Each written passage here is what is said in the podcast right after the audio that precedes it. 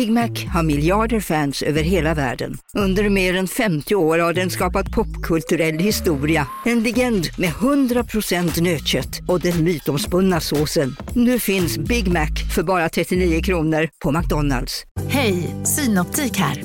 Livet med glasögon ska vara bekymmersfritt. Därför får du 30% på alla glasögon när du väljer Synoptik All Inclusive.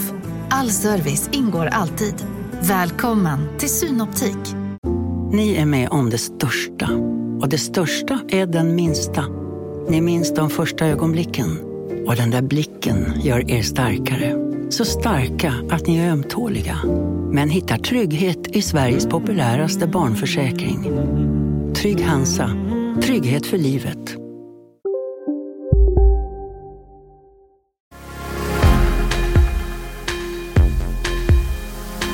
Det springer ju runt massor av skyldiga på Sveriges gator som har prövats i, i domstol och har blivit friade på felaktiga grunder.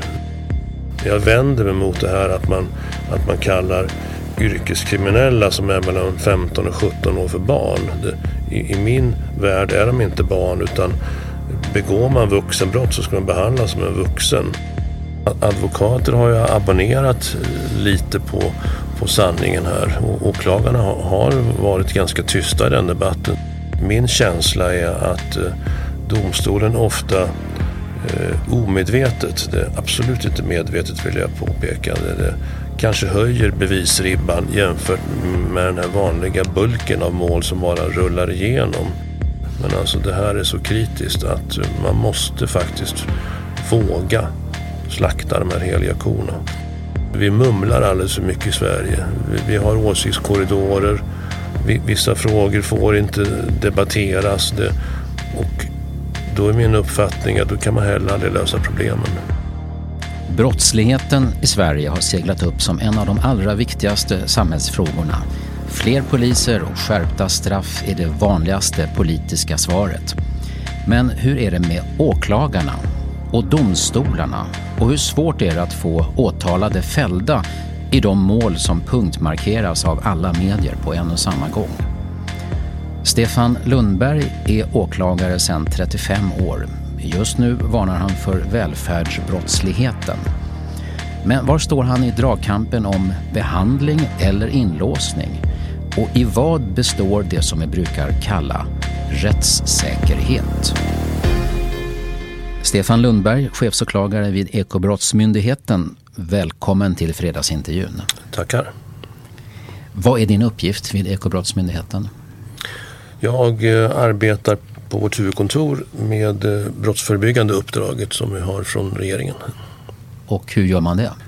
Vad är metoderna och verktygen? Vi jobbar, vi jobbar mycket med kunskapsspridning. Det, att berätta hur man eh, undviker att bli utsatt för ekobrott. Det, vi jobbar också mycket eh, mot eh, beslutsfattarna, alltså riksdag och regering. Vi, berättar att här finns det luckor i lagstiftningen. Eh, kan ni fixa till dem och ni ska fixa till dem ungefär så här. Det, det. Så jag träffar riksdagsmän ganska ofta, ibland departement också. Så du håller inte själv på och haffar skurkar? Eh, nej, in, inte längre. Jag har varit operativ åklagare i många år tidigare men nu har jag lämnat det. Men vad är det meningen att du och dina kollegor på myndigheten ska ha uträttat om ni gör det här jobbet så bra som det bara går? Eh, målet är, är ju att minska brottsligheten.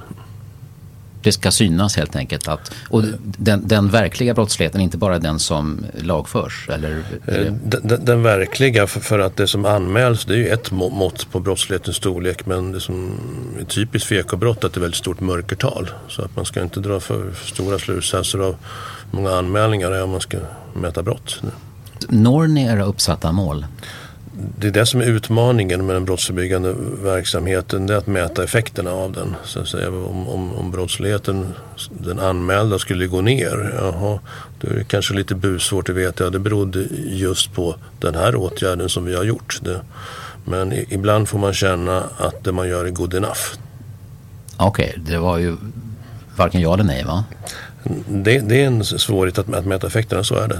Det, det är det som är skillnaden mot utredning och lagföring. Där är det väldigt enkelt att mäta effekterna. Det är bara att titta på liksom antalet åtal och hur gick det i domstolen. Men hur går snacket på myndigheten? Liksom? Gör vi ett bra jobb sådär mm. eller, eller funkar det inte som det ska? Det något? vi, vi är nog eh, ganska stolta över vårt brottsförebyggande arbete och eh, vi är ju rätt få som jobbar med det här på min myndighet men vi jobbar väldigt mycket tillsammans med andra myndigheter, med näringsliv. Då pratar jag både arbetsgivare och fackliga organisationer så att eh, vi, är rätt, vi är rätt starka tillsammans. Det är nog min känsla ändå. Mm. Eh, om vi tittar med eh, kriminella ögon på Sverige just nu. Hur pass framgångsrik är den grova organiserade brottsligheten? De firar ju triumfer varje dag som jag ser det. Det är bara att läsa tidningen och titta på TV så ser man ju det. När jag var barn så fick jag lära mig ordspråket eller talesättet brott lönar sig inte. Hur mycket sanning finns det i de där orden idag? Det, det är en sanning med stor modifikation faktiskt för att eh, det här med upptäcktsrisk för det första. Det, och om man nu blir upptäckt så att säga, åker man dit det, i, i domstol. Det, det, är ett väldigt grovmaskigt nät. Det finns stora chanser att man inte ens blir upptäckt eller man blir upp, upptäckt då att man inte ens blir åtalad eller kanske att domstolen friar. Så brott lönar sig visst i en, i en rad olika situationer? Ja, det vill jag hävda. Vad kommer det sig då att, att så pass mycket brottslig verksamhet går att bedriva och med god vinst också utan att den stoppas av lagens långa arm? Du tänker på ekobrotten specifikt då? Det... Ja, ett, Bedrägerier jag talar lite grann också om, om eh, hot och våldsbrott och, mm, sånt. Okay. Uppenbart så är det ju en hel del eh, grova våldsbrott som där man faktiskt inte ens kommer att åtala någon för. Nej, nej, nej men så är det ju. Många, många så att säga blir ju kanske inte ens upp, upptäckta. Det, mord blir, brukar ju bli det av naturliga skäl men många andra blir inte ens upptäckta och blir de upptäckta så återigen, alltså rättsväsendet har ju stora problem med att att utreda och lagföra det här. Vi, känner ju alla, alla, till det här med tystnadskulturen som, som råder bara för att lyfta fram ett problem. Finns det fler förklaringar till att eh, det är så pass mycket brott som, som går att begå utan att det, det blir alltför stora nackdelar för de som begår brotten? Ja, det är ju det. Mängden brott gör ju liksom att eh, rättsväsendets resurser räcker, räcker ju inte till. Jag tänker kanske specifikt på bedrägerier och polisens ärendebalanser där. Det är väl det bästa exemplet. Det enda sättet att få bort bedrägerierna det är att jobba brottsförebyggande. Och rättsväsendet drivs ju med skattemedel. Det är ju liksom ingen brunn som vi öser ur utan det sätter ju sin begränsning. Nu. Ofta är det så att vissa sorters brott blir mycket mer uppmärksammade och framstår som att det är värre om de inte blir snabbt utredda än andra och då flyttar man resurser så blir det andra, andra brott som i praktiken inte blir utredda. Är, är det, kan man inte tänka sig en möjlighet att så gott som alla brott blir hyggligt utredda att, att det skulle vara ett mål för samhället? Ja, men alltså, jag lider ju med polisen. Det är precis som du säger. De, de ska ju prioritera allting om man ska hårdra det lite. Det, det, det begriper ju ett barn och det är ju rätt svårt. Det, och det är mycket, mycket media som styr det här och vad som är liksom trendigt för, för tillfället. Där har ju vi på Ekobrottsmyndigheten lite lättare för att vi har ju ändå en smal, betydligt smalare liksom brottskatalog. Det, det är ju liksom färre antal brott. Vi har inte riktigt de prioriteringsproblemen som polisen mm. har. Mm. Redan i början av maj så sa du till Sveriges Radio att det då pågick organiserad ekonomisk brottslighet som riktade sig mot regeringens mångmiljardkrispaket gentemot företag som hade drabbats av pandemin. Hur hade du fått kännedom om det då? I ett tidigt skede så fick vi väl in lite positiv information från de myndigheter som hanterade de här olika stöden. De kom ju in ganska snart så rasslar in tips då så att säga om oegentligheter som pågår. Det, men, men, vi byggde också våra slutsatser på hypoteser. Det, att vi, vi har tidigare erfarenhet av hur kriminella uppför sig Eh, uppför sig dåligt. När det blir ny lagstiftning där det finns möjligheter att tanka ur staten eh, stora pengar. Och det här var ny lagstiftning. Det var mycket pengar inblandat. Det, mm. Och det var ett skyndsamhetskrav ifrån regeringen på de här berörda myndigheterna. Det var en lavin av ansökningar som kom in det är inte så lätt då att, att kanske ha ett, ett väldigt finmaskigt nät. Det, så att det här öppnar upp för kriminella. Har du nu i september en, en lite mer specifik bild av hur pass mycket brottslighet och hur mycket pengar som kan, kan ha hamnat fel?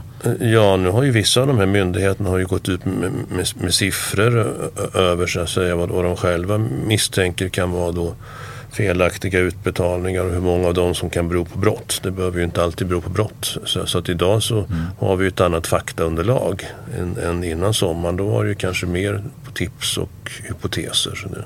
Kan du antyda storleksordningen? Eh, ja, EBM hanterar ju ett av de här stödpaketen, omställningsstödsbrotten. Per idag så har väl cirka 25 brottsanmälningar, det är inte så mycket, men Skatteverket som gör anmälningar till oss, de har väl aviserat att de kommer väl att skicka in då i runda tal eh, 100 brottsanmälningar från deras eh, förkontroll och ungefär lika många från efterkontrollen. Det är ett mått och Tillväxtverket som hanterar permitteringsstödet det de har ju gått ut i dagarna och berättat att eh, de har fått in, om jag minns rätt, ungefär 1000 tips om oegentligheter. Och jag tror att återkrav kommer att riktas till eh, i storleksordningen 2000 olika ärenden. Så där har man ju en kvantifiering av problemet.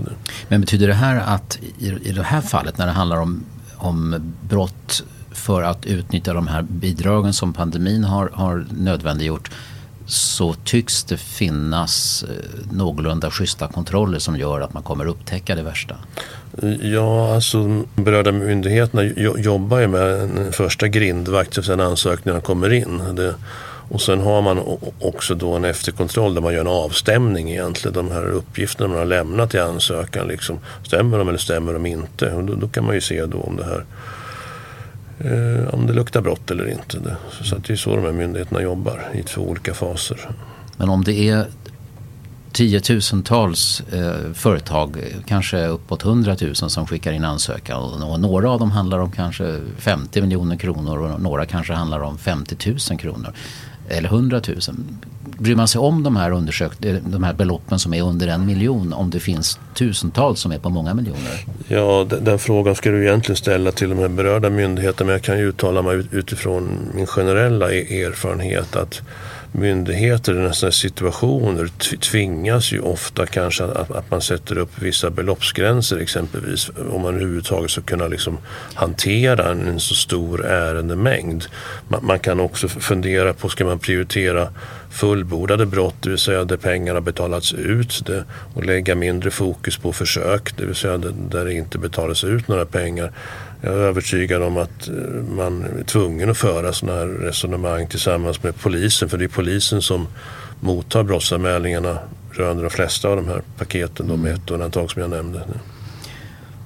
Uh, Stefan Lundberg, om du skulle sätta dig in i bedragarnas position när de ser att det kommer så pass många miljarder att betalas ut och de, den möjligheten ska vi utnyttja, tänker de då. Hur pass svårt är det för en kriminell hjärna att överlista staten och myndigheterna för att rafsa åt sig några miljoner? Det, det, det, behöver inte vara någon enormt avancerad brottsplan. Flera av de här berörda myndigheterna har ju ingen tidigare stor erfarenhet av kontrollarbete. Det, exempelvis Skatteverket som hanterar omställningsstödet. Det är ju en myndighet som jobbar med, med kontroll. De har ju erfarenhet men det gäller ju inte för många av de andra aktörerna.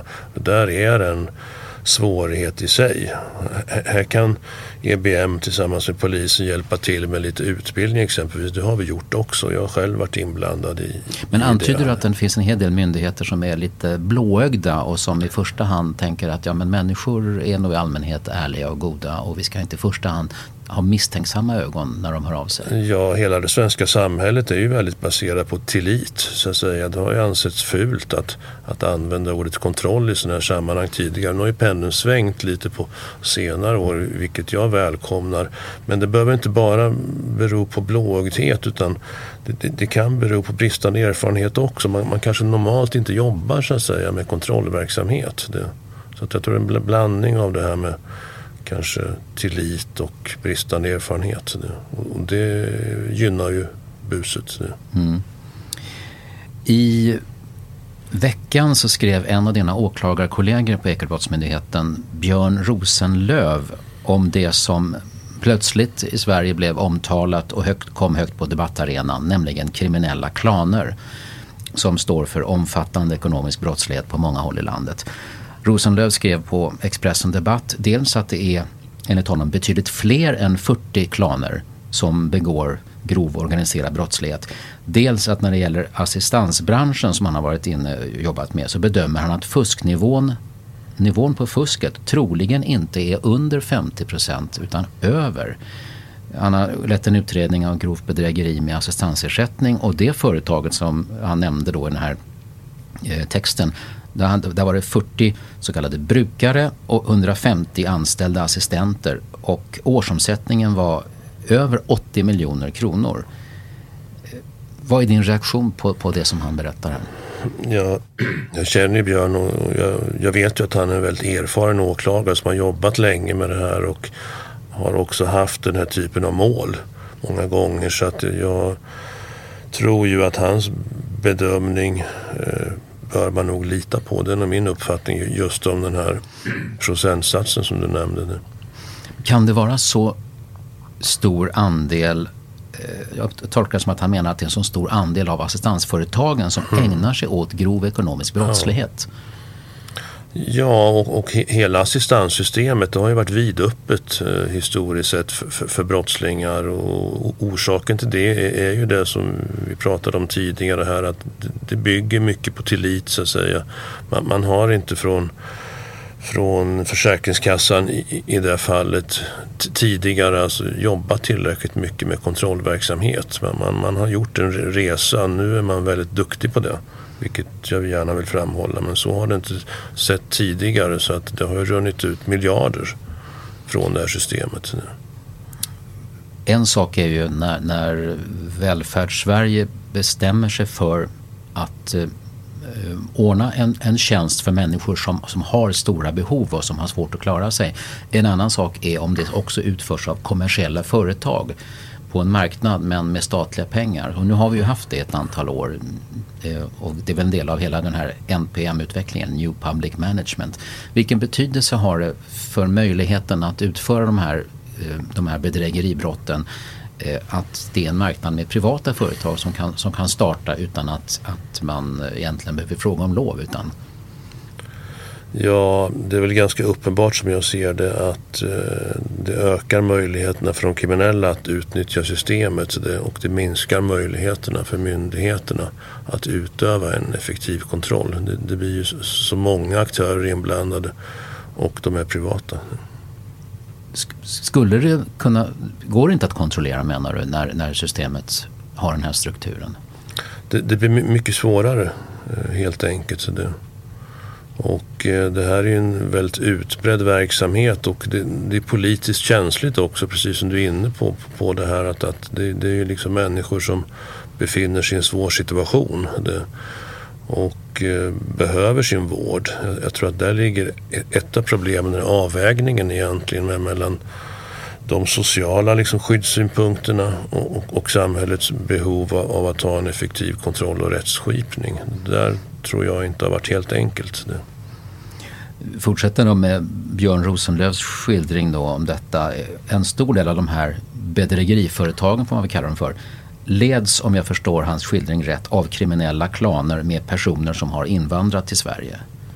Eh, och det har varit vanligt att eh, alla som drar nytta av fusket, alltså både brukare och assistenter, kan befinna sig, skriver han, i sina ursprungsländer samtidigt som de får ut de här miljonerna från, från svenska staten. Ja, ja det, har vi sett, det har vi sett med andra stödformer också. Jag tänker på pensionssystemet exempelvis. Så det är inget som, som kännetecknar just assistansen. Så, så, så luftigt har det sett ut i Sverige under många år. Men man häpnar ju. Ja, jag är luttrad efter 35 år i statens tjänst men till och med jag blir förvånad ibland när jag hör sånt där. Men varför stoppas det inte? Jag, jag, jag, tror just som vi var inne på, på tidigare här att eh, det där ordet kontroll har ansetts fult. Ordet tillit eh, har ansetts bättre. Jag, jag brukar säga att tillit är bra, tillit och kontroll är bättre. Och, och nu har, har, samhället nyktrat till lite. Nu har de här olika utbetalande myndigheterna fått, fått genomslag för att bedriva en effektiv kontrollverksamhet. Man har byggt upp liksom en analysverksamhet som är skarp. Och eh, man samverkar också bättre med varandra, olika myndigheter, även om det finns starka sekretesshinder som tyvärr lägger eh, Eh, krokben för detta också. Men eh, det har blivit mycket bättre, det är min erfarenhet på de senare åren. Och jag tror också att i samhället så har det också blivit en större acceptans för kontroll det är ju så att eh, de flesta personer är, laglydiga, håller inte på att manipulera systemen och det är min uppfattning, de har inget emot att bli kontrollerade. De, de tycker det är bra att myndigheterna är effektiva och kontrollerar. Just för att inte man ska tanka ur staten som en bankomat som du var inne på tidigare. Men här var det inte så länge sedan som den här utredningen gjordes med just det här assistansföretaget med, med eh, 50 brukare, 150 anställda och 80 miljoner omsättning. Menar du att det på senare tid har skett en sån förbättring så att det nu och framåt är mycket svårare att, att mjölka systemet ja, på det här viset? Jag, jag, kan inte ärendet i detalj men jag vet ju generellt sett så, så, är det ofta en ganska lång framkörning på den här typen av stora utredningar. Det vill säga det tar tid för för ja, Försäkringskassan i det fallet att, att göra sin egen internutredning och så kommer en, en brottsanmälan och hos oss då så är det här oerhört resurskrävande. Det tar lång tid att utreda det här. Man, man behöver använda sig av hemliga tvångsmedel. Det, så att det här är inte gjort i en handvändning. Så att eh, det, det, kan pågå några år detta från liksom start till mål innan det finns då en lagakraftvunnen dom. Det tar tid att köra igenom det här i domstolssystemet också. Så att min uppfattning är att det, det har blivit betydligt bättre på de senare åren. Men eh, medel som är, är, skapade av skattepengar för att hjälpa människor som har det oerhört svårt med, med väldigt svåra funktionshinder kanske andningssvårigheter eh, och andra tillkortakommanden fysiskt och psykiskt. Och så används det då för att berika människor som inte gör någon nytta alls. Eh, en stöld egentligen från skattebetalarna. Varför gör människor på det viset? Eh, of, ofta när man ställer den typen av frågor så tycker jag att man felaktigt utgår ifrån att, att kriminella på den här nivån så att säga att, att det, det finns någon viss eh, logik i att, att de har någon slags ansvarskänsla för för samhällets eh, samlade skattemedel. Så är det ju inte alls. Det, det här är ju, är ju, stora egoister som bara tänker på sig själva och de, de kan gå över lik för, för att liksom stampa fram de här miljonerna som de stoppar i egen ficka och lever väldigt gott på. Det, det, är ju så här illa det ser ut. De saknar ju saknar ju moral. Vi, vi resonerar i moraliska termer när vi sitter och pratar om sånt här. Hur, hur kan man göra såna här nesliga saker? Det, det, är fel utgångspunkt som jag ser med den frågeställningen. Hur är det att ha en tung position på en central brottsbekämpande myndighet och samtidigt iaktta när det här enorma mjölkandet av välfärdsstatens pengar pågår? Jag, jag, tror att jag kan bli lika ilsken som, som vilken skattebetalare som helst som inte jobbar inom rättsväsendet. Även om jag har blivit ganska luttrad som jag sa tidigare. Det, mm. Jag tycker att det är helt oacceptabelt att sånt där tillåts pågå. Och här tycker jag att vi får ta åt oss ett ansvar både hos de utbetalande myndigheterna och inom rättsväsendet också. Att vi inte har hanterat det här bättre över tid. Och myndigheterna har, har, myndigheterna har såklart också ett ansvar. Det är de som utformar de regelverken som utnyttjas. Så det är ett gemensamt ansvar. Men kan det finnas en förklaring i hur de här um, förmånerna uh, och de här välfärdssystemen är skapade eller uttänkta från början?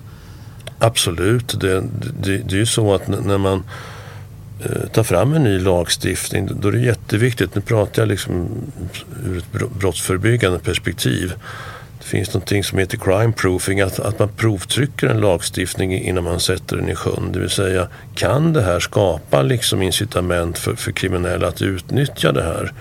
Och här tycker jag liksom att, att eh, politikerna brister. Det, man borde ju fråga oss experter på detta inom rättsväsendet, inom utbetalande myndigheter på ett betydligt mer gediget sätt än vad man gör idag. Man, man kör ju remissrunder såklart, det är ju så liksom som den svenska lagstiftningsapparaten fungerar. Det, mm. Men min erfarenhet är ju att i de här remissrundorna det blir ganska sent på en tidsaxel och det finns ofta starka motstående intressen där. Det, och, och det finns väldigt starka lobbygrupper som ofta kanske vinner i slutändan över rättsväsendet. Vi räcker upp handen och säger stopp, varning. Vi blir oftast överkörda då. Det är min uppfattning tyvärr. Så du har en med om att eh, formulera varnande kritiska remissvar när det är en ny reform på gång och så med, beskrivet risker då för att mm. det försvinner pengar genom brottslighet och det har inte fått gehör. Nej, utan jag, jag, jag tycker att man måste liksom jobba mycket tidigare på, på en tidsaxel, alltså mycket tätare kontakter mellan beslutsfattare och, och berörda myndigheter. Men är det ett slags när, värsta när, scenario? När man, är, när man är på väg att ta fram liksom ny, ny, ny lagstiftning. Ja, men alltså ska, man ska ha en mera svartsynt, cynisk, misstänksam hållning och det, har, det är för mycket blåögdhet nu, tolkar jag dig som. Jag skulle inte säga cynisk, jag skulle säga realistisk. Ja, och det innebär helt enkelt att, att man tänker det här kommer en del människor eh, eh, totalt eh, vilja missbruka. Ja, och vi har erfarenhet av detta, vi, vi som jobbar med detta. Jag tänker både på rättsväsendet, jag, jag tänker på utbetalande myndigheter, Skatteverket för att nämna några aktörer. Man är inte elak bara för att man är misstänksam menar du? Absolut inte. Är du misstänksam som person? Eh, det, jag är nog lite yrkesskadad, det, det, kan jag ju villigt erkänna. Så att eh, jag gör nog vissa saker så, som man kanske inte gör om man inte är åklagare. Det kan jag absolut ställa upp på. Det. Nu ska jag gärna höra några konkreta exempel på vad det kan vara för någonting. Nej, det, det där var en svår fråga Staffan. Precis, men mm. Nej, men alltså jag, jag, jag, tänker på olika erbjudanden och liknande som man som privatperson får. Det kan, det kan vara väldigt mycket olika saker. Det, så tror jag att jag är nog mer försiktig kanske än, än genomsnittsmänniskan att, att eh, ac acceptera olika former av erbjudanden så, som man kan få i posten eller sin dator. Du är bra på att ana ugglor i mossen. Ja, det tror jag man blir efter så lång tid inom rättsväsendet faktiskt. Stefan Lundberg, Ekobrottsmyndigheten. Låt oss tala lite grann om hur det går till i domstolarna ibland. Eh, där det finns då en eller flera misstänkta för brott. Åtal är väckt, det blir huvudförhandling och åklagaren gör sin sakframställning och det blir förhör av misstänkta och vittnen. Eh, och ibland blir det ju fällande dom men i rätt många mål som gäller grova brott så, så blir det friande domar. Eh, och eh, på Kvartal har vi ju den här veckan publicerat en text av filosofen Per Baun som skriver om att i Sverige så kräver vi betydligt starkare bevis för att fälla en brottsling än till exempel Danmark som han jämför med. Det är uppenbart att Per Baun inte finner det här rimligt. Eh, vad säger du? Är, är bevisbördan orimligt tung i svensk rättsskipning? Jag har läst artikeln och, och jag tycker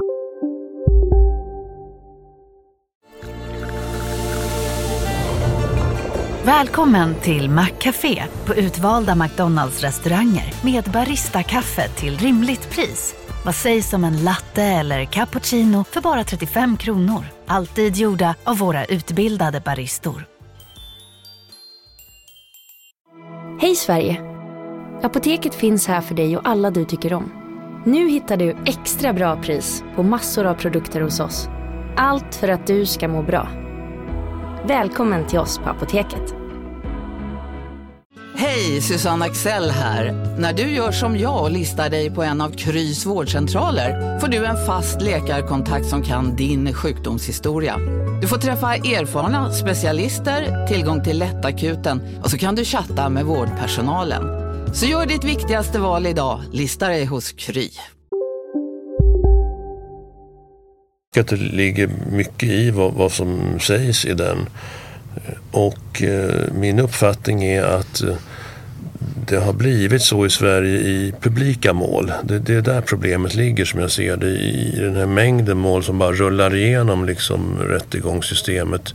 Där upplever inte jag att det är samma problem utan Eh, det är när, när målen kan vara publika av olika sätt. Det gäller våldsbrott kan ju vara den gängkriminaliteten som vi pratar om. Det, vi på EBM kan ha ytterligare en, en svårighet kanske att, att det, de som åtalas är personer som är högt uppsatta i samhället. De kan vara kända till och med.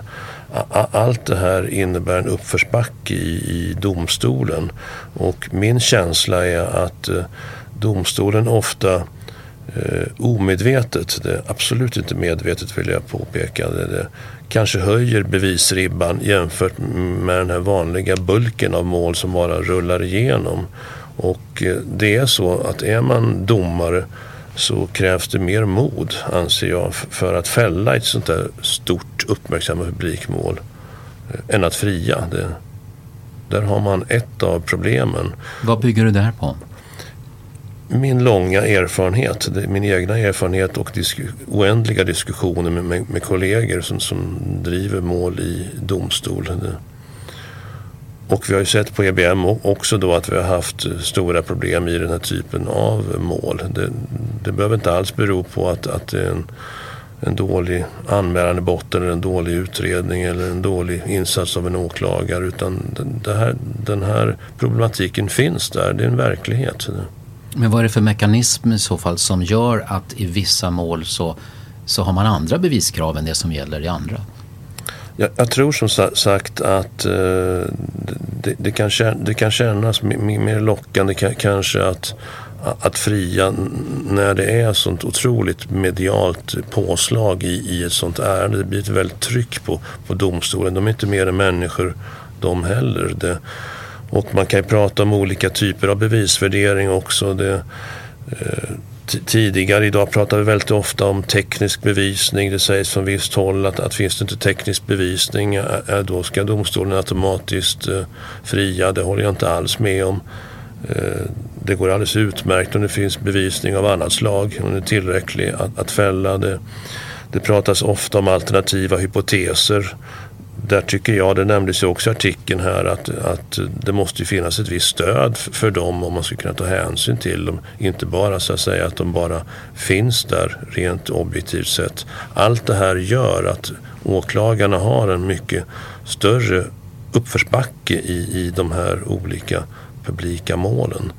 Och idag har vi också tillgång till helt andra bevismedel, alltså tunga bevismedel. Jag tänker på det här med, med DNA, jag tänker på telefonavlyssning, liknande. Det hade vi ju inte förr. Det, då borde det vara så tycker jag att andelen fällande domar i den här måltypen som vi pratar om nu borde ju vara större. Men det är den inte och det här ser jag som ett, ett stort problem. Och här kommer man ju också in på det här med, med rättssäkerhet egentligen, ett, ett begrepp som används ofta. Vad betyder det ordet? Här tycker väl jag kanske att att advokatsidan har lagt beslag på tolkningen av, av det begreppet. De, de tolkar ju förståeligt nog från sin utgångspunkt att det ska innebära då att en rättssäker process för, för deras klient, alltså den personen som, som är tilltalad. Det, eh, jag menar ju att man måste ha en mycket vidare innebörd av det begreppet. Det innebär också att eh, den som utsatts för ett brott, det kan vara en person om det gäller ett våldsbrott exempelvis. Det, det kan också vara staten. I de mål som vi på EBM driver så är det ofta staten som är drabbad. Det, mm. det innebär egentligen att man ska ha tillgång till effektiva rättsmedel som man brukar säga. Det vill säga en rättsapparat som, som fungerar och det ska finnas liksom eh, bra möjligheter att få då eh, personer fällda för de här brotten. Och, och eh, här tycker jag att debatten liksom är väldigt ensidig tyvärr. Mm, du nämnde att om en försvarsadvokat lägger fram en alternativ förklaring, en alternativ hypotes gentemot det som åklagaren har sagt. Det, det kan ha gått till på ett annat sätt. Någon annan person har gjort det här. Eller sådär. Så även om de inte är särskilt trovärdiga så, så kan de leda till friande dom. Trots att åklagaren hade en ganska bra case då enligt Ja, bra bevisning. Men mm. om det är så här att det faktiskt eh, kan räcka med en osannolik men dock existerande alternativ hypotes så blir man friad. Har det alltid varit så här i svensk rättsskipning? Nej, jag, jag har ju drivit mål i domstol under många år och de här begreppen teknisk bevisning och, och alternativa hypoteser de existerade inte tidigare. Det har kommit på, på senare år. Det, nymodigheter? Nymodigheter, exakt. Det. Och jag ifrågasätter mycket av den här debatten som förs på det viset nu. Men vem, om du nu, men det låter på dig som att du tycker att det här är en negativ utveckling, att det blir för många som frias felaktigt. Så är det. Vem borde då smula sönder eh, orealistiska, absurda alternativhypoteser i, i, i domstolarna? Jag, jag saknar en, en, en, debatt kring bevisvärdering för att bevisvärdering i, i, Sverige styrs ju inte av, av lag. Det beror ju på att vi, att vi har självständiga domstolar och det är ju bra i sig. Det, men jag tycker att den här debatten som förs är ganska ensidig. Det är väldigt mycket fokus hela tiden på den tilltalade och vad advokaterna för fram i debatten. jag tycker att vi bör hyfsa den här debatten. Men om du säger så här att domare är inte mer än människor i publika mål, alltså det vill säga väldigt stort medialt intresse, så blir det svårare att fälla om man, man höjer bevis Eh, i praktiken beviskraven där. Omedvetet ja. Mm. Omedvetet. Ja. Men, men är, om, det, om detta stämmer som du säger, är domstolarna då självständiga? Och oberoende? Ja, det, det, det kan man verkligen fråga sig. Det, det, finns yt, ytterligare en, en, problematik som, som vi inte har pratat om hittills. Det tycker jag är hur man gör själva bevisvärderingen. För att den kan man göra på två sätt. Det, Tidigare så var det oftast en helhetsbedömning man gjorde tid tillbaka. Men man tittade på den samlade bevisningen som lades fram. Eh, räcker den här eller finns det rimligt tvivel? Då, ja, då ska man ju fria det.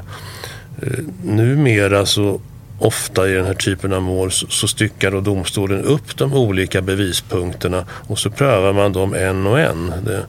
Och länk för länk. Länk för länk, precis. Och, och resonerar då liksom att här har vi en svag länk i den här kedjan och så kommer man fram till att man ska fria trots att det kanske finns tung bevisning i de andra länkarna. Jag tycker att, att den här typen av bevisvärdering är inte rättssäker med den tolkningen av det begreppet som jag nämnde tidigare här.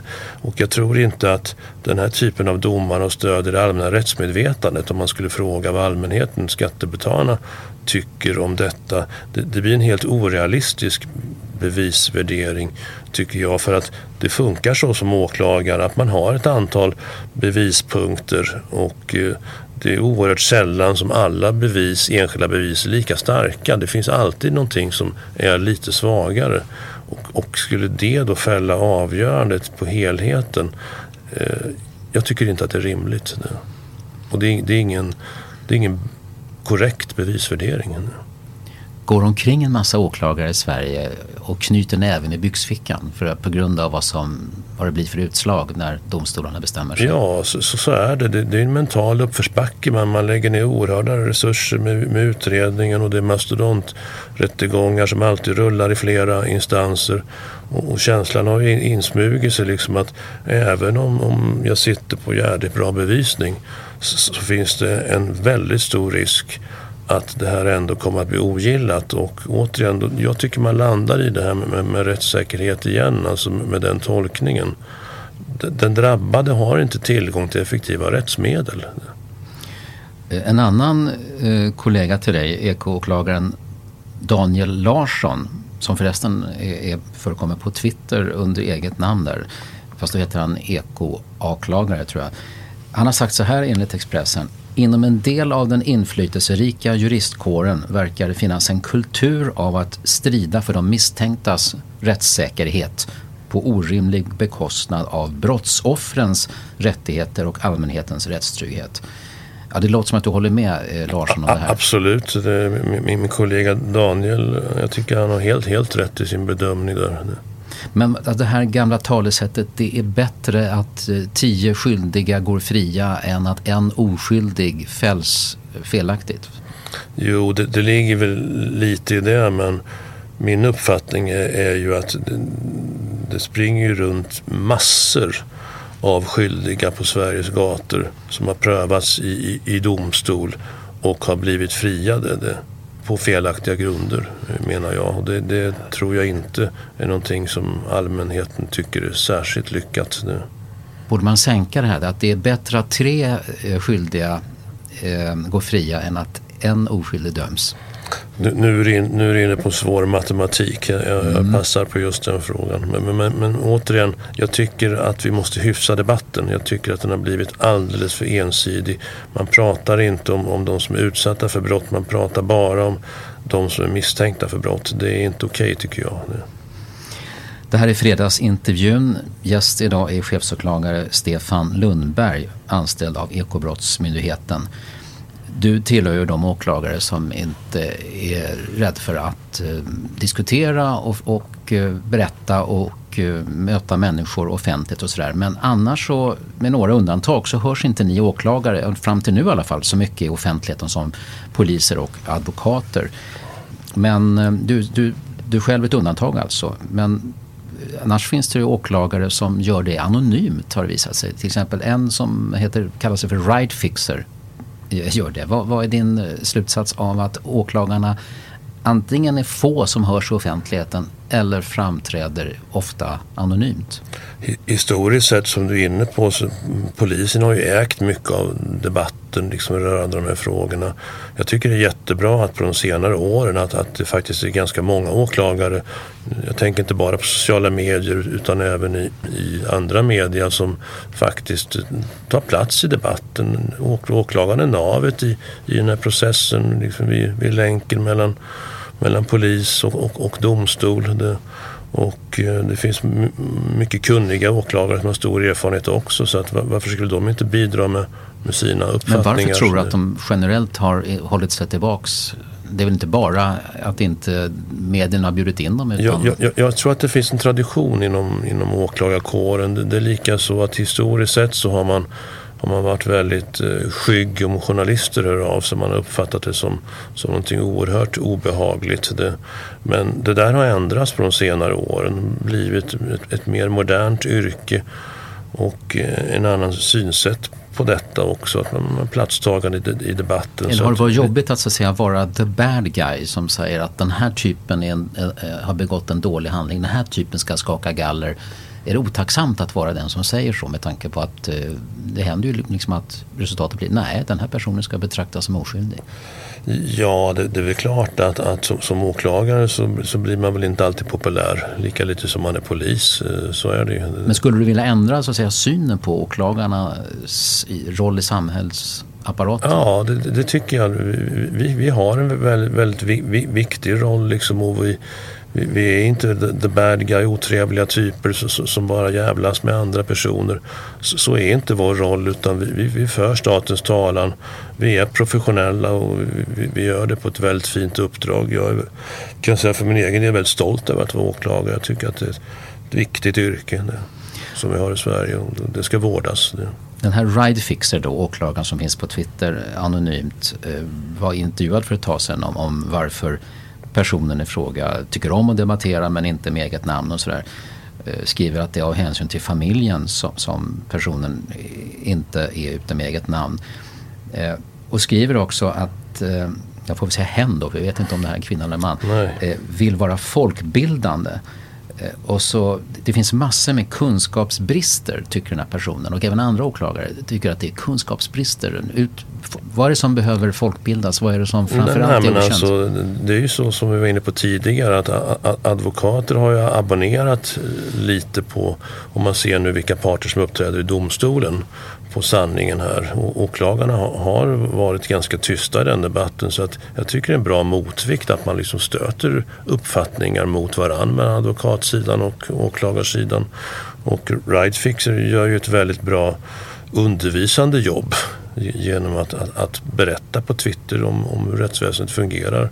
All respekt för, för hen. Det, Men skulle det vara farligt för den här personen att, att vara ute under eget namn och bara vara en del av debatten? Det, det kan ju finnas olika skäl. Eh, det nämndes ju i artikeln där att det var av respekt för den egna familjen. Det kan ju såklart vara ett skäl. Ett annat skäl kan ju vara att, att man möjligen upplever att man kanske skulle utsätta sig i teorin för en hotbild från, från kriminella. Men det kan ju också finnas ett tredje skäl och det är ju det där med, med yttrandefriheten att det kan ju vara lite känsligt ibland. Det kan vara en svår avvägning om den uppfattning som man redovisar är sin egen uppfattning som statstjänsteman Eh, eller om den är myndighetens uppfattning. Och i, i den bästa av världar så, så överensstämmer ju det man säger med myndighetens uppfattning. Det har ju varit en debatt på senare tid också där en annan åklagare, Paulina Brandberg, som är väldigt offensiv i debatten mm. på ett jättebra sätt tycker jag, eh, framförde precis den här uppfattningen att som, som statstjänsteman, som åklagare så bör man ha så att säga en ganska vid ram att fram, framföra uppfattningar om rättsväsendet nu. Människor som begår allvarliga brott, eller medelallvarliga brott också kanske, ska de i första hand bli föremål för behandling eller bör standardsvaret vara inlåsning?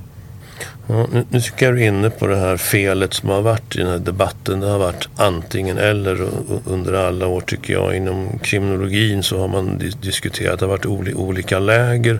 Vissa har tyvärr tycker jag varit väldigt tongivande i media och förfäktat då behandlingstanken och fängelse är aldrig bra ungefär. Det, jag tycker att det är både och. Det, för vissa kriminella så tror jag absolut att behandling är en alldeles utmärkt eh, åtgärd kanske inom kriminalvårdens ram. Då. Det, för andra så, så, är det helt, helt bortkastat. Det, de, de är bortom räddning. Det, jag pratar om yrkeskriminella som har visat under lång tid det, att de inte är mottagliga för, för behandling. Där menar jag, där måste man ha fokuset med inkapacitering. De ska bort från gatan så, så att allmänheten skyddas från dem. Både och. Mm, det har ju funnits en, en princip i decennier om att eh, domstolar i första hand ska se om det går att undvika fängelse. Eh, det har varit en ganska stark sån, ja. sån princip och eh, inte minst med unga förövare så har man i särskilt hög grad sett till att, att det inte blir fängelse. Vad anser du om den principen? Det där har väl följt lite hur den politiska debatten har varit i, i samhället. Jag tänker på humaniseringen på, på 60 och 70-talet som var väldigt framträdande. Så pendeln har väl slagit lite där men jag som åklagare har svårt att förstå varför man alltid ska ha den utgångspunkten. Det är ungefär samma sak som att svenska domstolar har en väldigt tydlig tendens att ligga väldigt lågt i straffskalan. Det, det har jag aldrig kunnat förstå som, som åklagare. Var, varför, varför ska det vara så? Vad är skälet till, till det? det man, man, ska väl mäta ut straff e-, efter straffvärdet. Så det. Mm, men är det, först, är det åklagarna eller är det domstolarna som har en tendens att lägga sig där? Eller är det redan, redan så att säga åklagarens eh, um, yrkande som är för lågt enligt din uppfattning? Nej, alltså åklagarna yrkar nog utifrån sin uppfattning om straffvärdet, vilket straff är ett, ett visst brott värt helt enkelt. Det, men påfallande ofta så har man inte framgång som åklagare i domstol utan man landar så att säga oförklarligt nog i den nedre delen där. Det betyder att vi borde ha fler personer som sitter längre i fängelse än vad vi har haft hittills om du Uh, ja, så, så, så, blir det precis. Och, och, och det är ju redan fullt i fängelserna. Ja, men vi ska ju bygga nya nu. Kriminalvården har ju fått extra pengar. Ja, men det tar väl en tid innan de... Just nu så, så, så får ju det, dömda brottslingar som inte får plats just nu och inte får vänta på att avtjäna sitt straff. Nej, här, här har vi ett problem. Det är alldeles uppenbart som du är inne på. Du, du nämnde ju det här med ungdomsrabatten också. Den, den kan jag också ha synpunkter på att Eh, Eh, jag tycker att en av lagstiftningens viktigaste uppgifter är att följa med samhällsutvecklingen och spegla det allmänna rättsmedvetandet. Det, de, de här reglerna tillkom för ganska länge sedan. Det, jag har inget emot att, att om ungdomar begår pojkstreck att, att man har liksom ganska försiktiga påföljder som inte är så ingripande mot dem. Men jag vänder mig mot det här att man, att man kallar yrkeskriminella som är mellan 15 och 17 år för barn. Det, i, I min värld är de inte barn utan begår man vuxenbrott så ska man behandlas som en vuxen. Och jag tycker återigen här att eh, man kan gärna ha kvar ungdomsrabatterna för första gånger som begår mindre allvarliga brott. Men, men jag tycker det är Eh, inte acceptabelt att regelverket tillämpas på yrkeskriminella som återfaller gång efter gång. Och man får inga påföljder som är värda namnet. Det, samhället måste svara upp betydligt mer. Jag tycker man ska titta på det här regelverket och differentiera det. Det har som sagt varit, varit en väldigt fokus på mängd antalet poliser och eh, lite grann lagstiftningsförändringar och skärpta straff på senare år. Nu har det även talats mer om, om kriminalvården men, och ibland talar man om en rättskedja. Eh, finns det en rättskedja och eh, hur, hur, den, hur skulle den fungera i ett idealiskt samhälle? Att det finns eh, balans resursmässigt mellan de olika aktörerna. För gör det inte det så blir det ju flaskhalsar och då får man liksom ingen bra genomströmning. Det blir ingen effektivitet i rättsskipningen och det har vi sett över tid, många ja. olika tillfällen. Vad är det som ingår i, i rättskedjan? Jag vet att domstolarna ingår inte eh, enligt eh, Christer Tillin som är jurist och tidigare politiker och, och diskuterar sånt här och brukar rätta, rätta kunskapsbrister på, på Twitter. Ja, eh, rättskedjan i min värld den, den består av poliser, åklagare och domstol. Det är flödet så att säga med själva rättsskipningen. Sen är det en annan sak att domstolen själva inte anser sig vara en brottsbekämpande aktör. Det, det, kan jag köpa. Brottsbekämpande aktörer är ju poliser och åklagare men i, i min värld så ingår nog definitivt i rättskedjan. Det är nog min uppfattning, vare sig de vill eller inte. Det. Mm. Men, men min bild är av det du berättar här och även debatten generellt sett att nej, vi har inte riktigt eh, ordning på brottsutvecklingen i Sverige. Det gäller både hur det ser ut i samhället och i vilken mån eh, myndigheter och andra aktörer lyckas dämpa utvecklingen och faktiskt få ett tryggare land med, med, med, med färre brott. Vad skulle kunna förbättras rimligen i den här rättskedjan för att uppnå en, en, ett bättre Sverige? Eh, det, det, pratas ju ofta om brist på resurser i, i Sverige när det gäller rättskipning. Det, det, det, är klart att ibland så behövs det absolut tillföras resurser. Men jag vänder mot det här som någon slags generell universallösning. Jag tror exempelvis inte att 10 000 nya poliser kommer att lösa alla de här problemen. Utan jag förordar mer att, att myndigheterna har vassa verktyg som lagstiftaren ger myndigheterna. Jag tror att det är betydligt mer effektivt att, jobba med metodutveckling, använda skarpa verktyg. Uh, that's the way to do it nu. Exempel? Ja, vi pratar mycket idag exempelvis om, om olika sekretesshinder, att vi myndigheter inte kan dela information med varandra. Vi, vi sitter kvar i ett stuprörstänk. Sekretesslagstiftningen skrevs på 80-talet. Det, det var folkhemmet. Det, eh, det, vi kan inte ha sådana regler i det samhälle som vi har idag i, i Sverige. Rättegångsbalken skrevs på 40-talet. hur såg Sverige ut då? Det vill man inte ens tänka på när man tittar på hur Sverige ser ut idag samma regler. Här har man missat, tycker jag, från politikerna liksom att anpassa lagstiftningen efter utvecklingen i, i samhället. Det, polisen må, måste få helt andra verktyg också. Det debatteras ju mycket nu om det här med kronvittnen och anonyma vittnen. Bara för att nämna några saker för att få stopp på den här tystnadskulturen. Jag tycker att eh, det är så allvarligt i Sverige så att man måste från politikernas sida våga slakta heliga kor. Det här är heliga kor. Vi har väldigt mycket integritetstänk i Sverige, tillitstänk som vi var inne på förut. Det, det kanske vi kan ha i en annan typ av samhälle än det vi har idag. Men alltså det här är så kritiskt att eh, man måste faktiskt våga slakta de här heliga korna. Varför inte införa de här lagstiftningarna på prov och utvärdera sen om man nu känner en viss räddhågsenhet inför dem. Jag kan förstå den räddhågsenheten absolut. Men läget är kritiskt. Man måste agera nu. Du är inte rädd för att sticka ut hakan? Nej. min, min uppfattning är att vi mumlar alldeles för mycket i Sverige. Vi, har åsiktskorridorer. Vi, vissa frågor får inte debatteras. Det, och då är min uppfattning att då kan man heller aldrig lösa problemen. Eh, nu tycker jag att det har blivit bättre på senare tid faktiskt i, debatter mellan politiker och även inom rättsväsendet. Det, att eh, det är en mer öppen och fri debatt och jag märker ju att, att politik, politikerna faktiskt vågar börja prata om att exempelvis titta på anonyma vittnen bara för att ta ett exempel. Eh, jag välkomnar det, jag är väldigt glad för det. Vad läser du för böcker när du har tid? Vad tittar du på för tv-program eller kollar på filmer? Eh, jag är svårt yrkesskadad. Det, det, det, det är nyheter om, om, om brott och det är krimprogram om brott. Det. Och böcker så är det kriminalromaner. Jag erkänner min svåra yrkesskada här. Vad händer med själslivet om man är 30-40 år på heltid och på kvällstid eller bara håller på med saker som är brottsliga, omoraliska, tecken på hänsynslöshet och girighet? Den frågan tycker jag du ska ställa till, till mina nära och kära och mina kollegor, Staffan.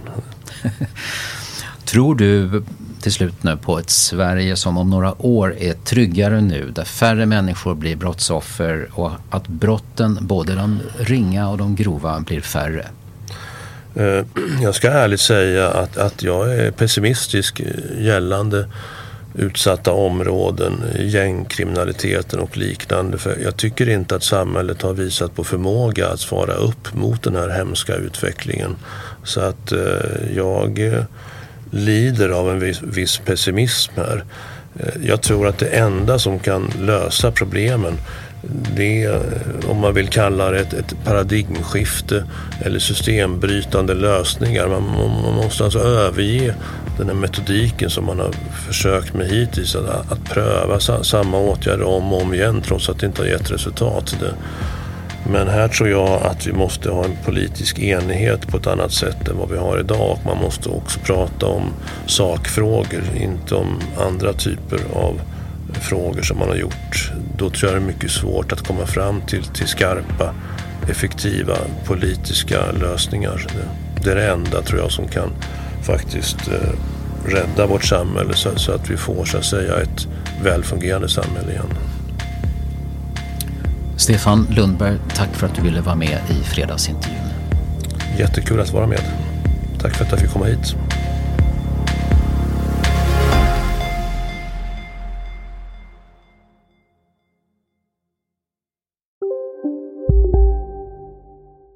Njut av Max Selection El Maco med Premium Beef. Vår saftiga och lyxiga burgare av 100% svenskt nötkött och 100% fantastisk smak för ett ännu godare McDonalds. Som medlem hos Circle K är livet längs vägen extra bra. Just nu får du som ansluter dig 50 öre rabatt per liter på de tre första tankningarna och halva priset på en valfri biltvätt. Och ju mer du tankar, desto bättre rabatter får du. Välkommen till Circle K. Okej hörni, gänget. Vad är vårt motto? Allt är inte som du tror. Nej, allt är inte alltid som du tror. Nu täcker vårt nät 99,3 procent av Sveriges befolkning baserat på röstteckning och folkbokföringsadress. Ta reda på mer på 3.se eller i din 3-butik.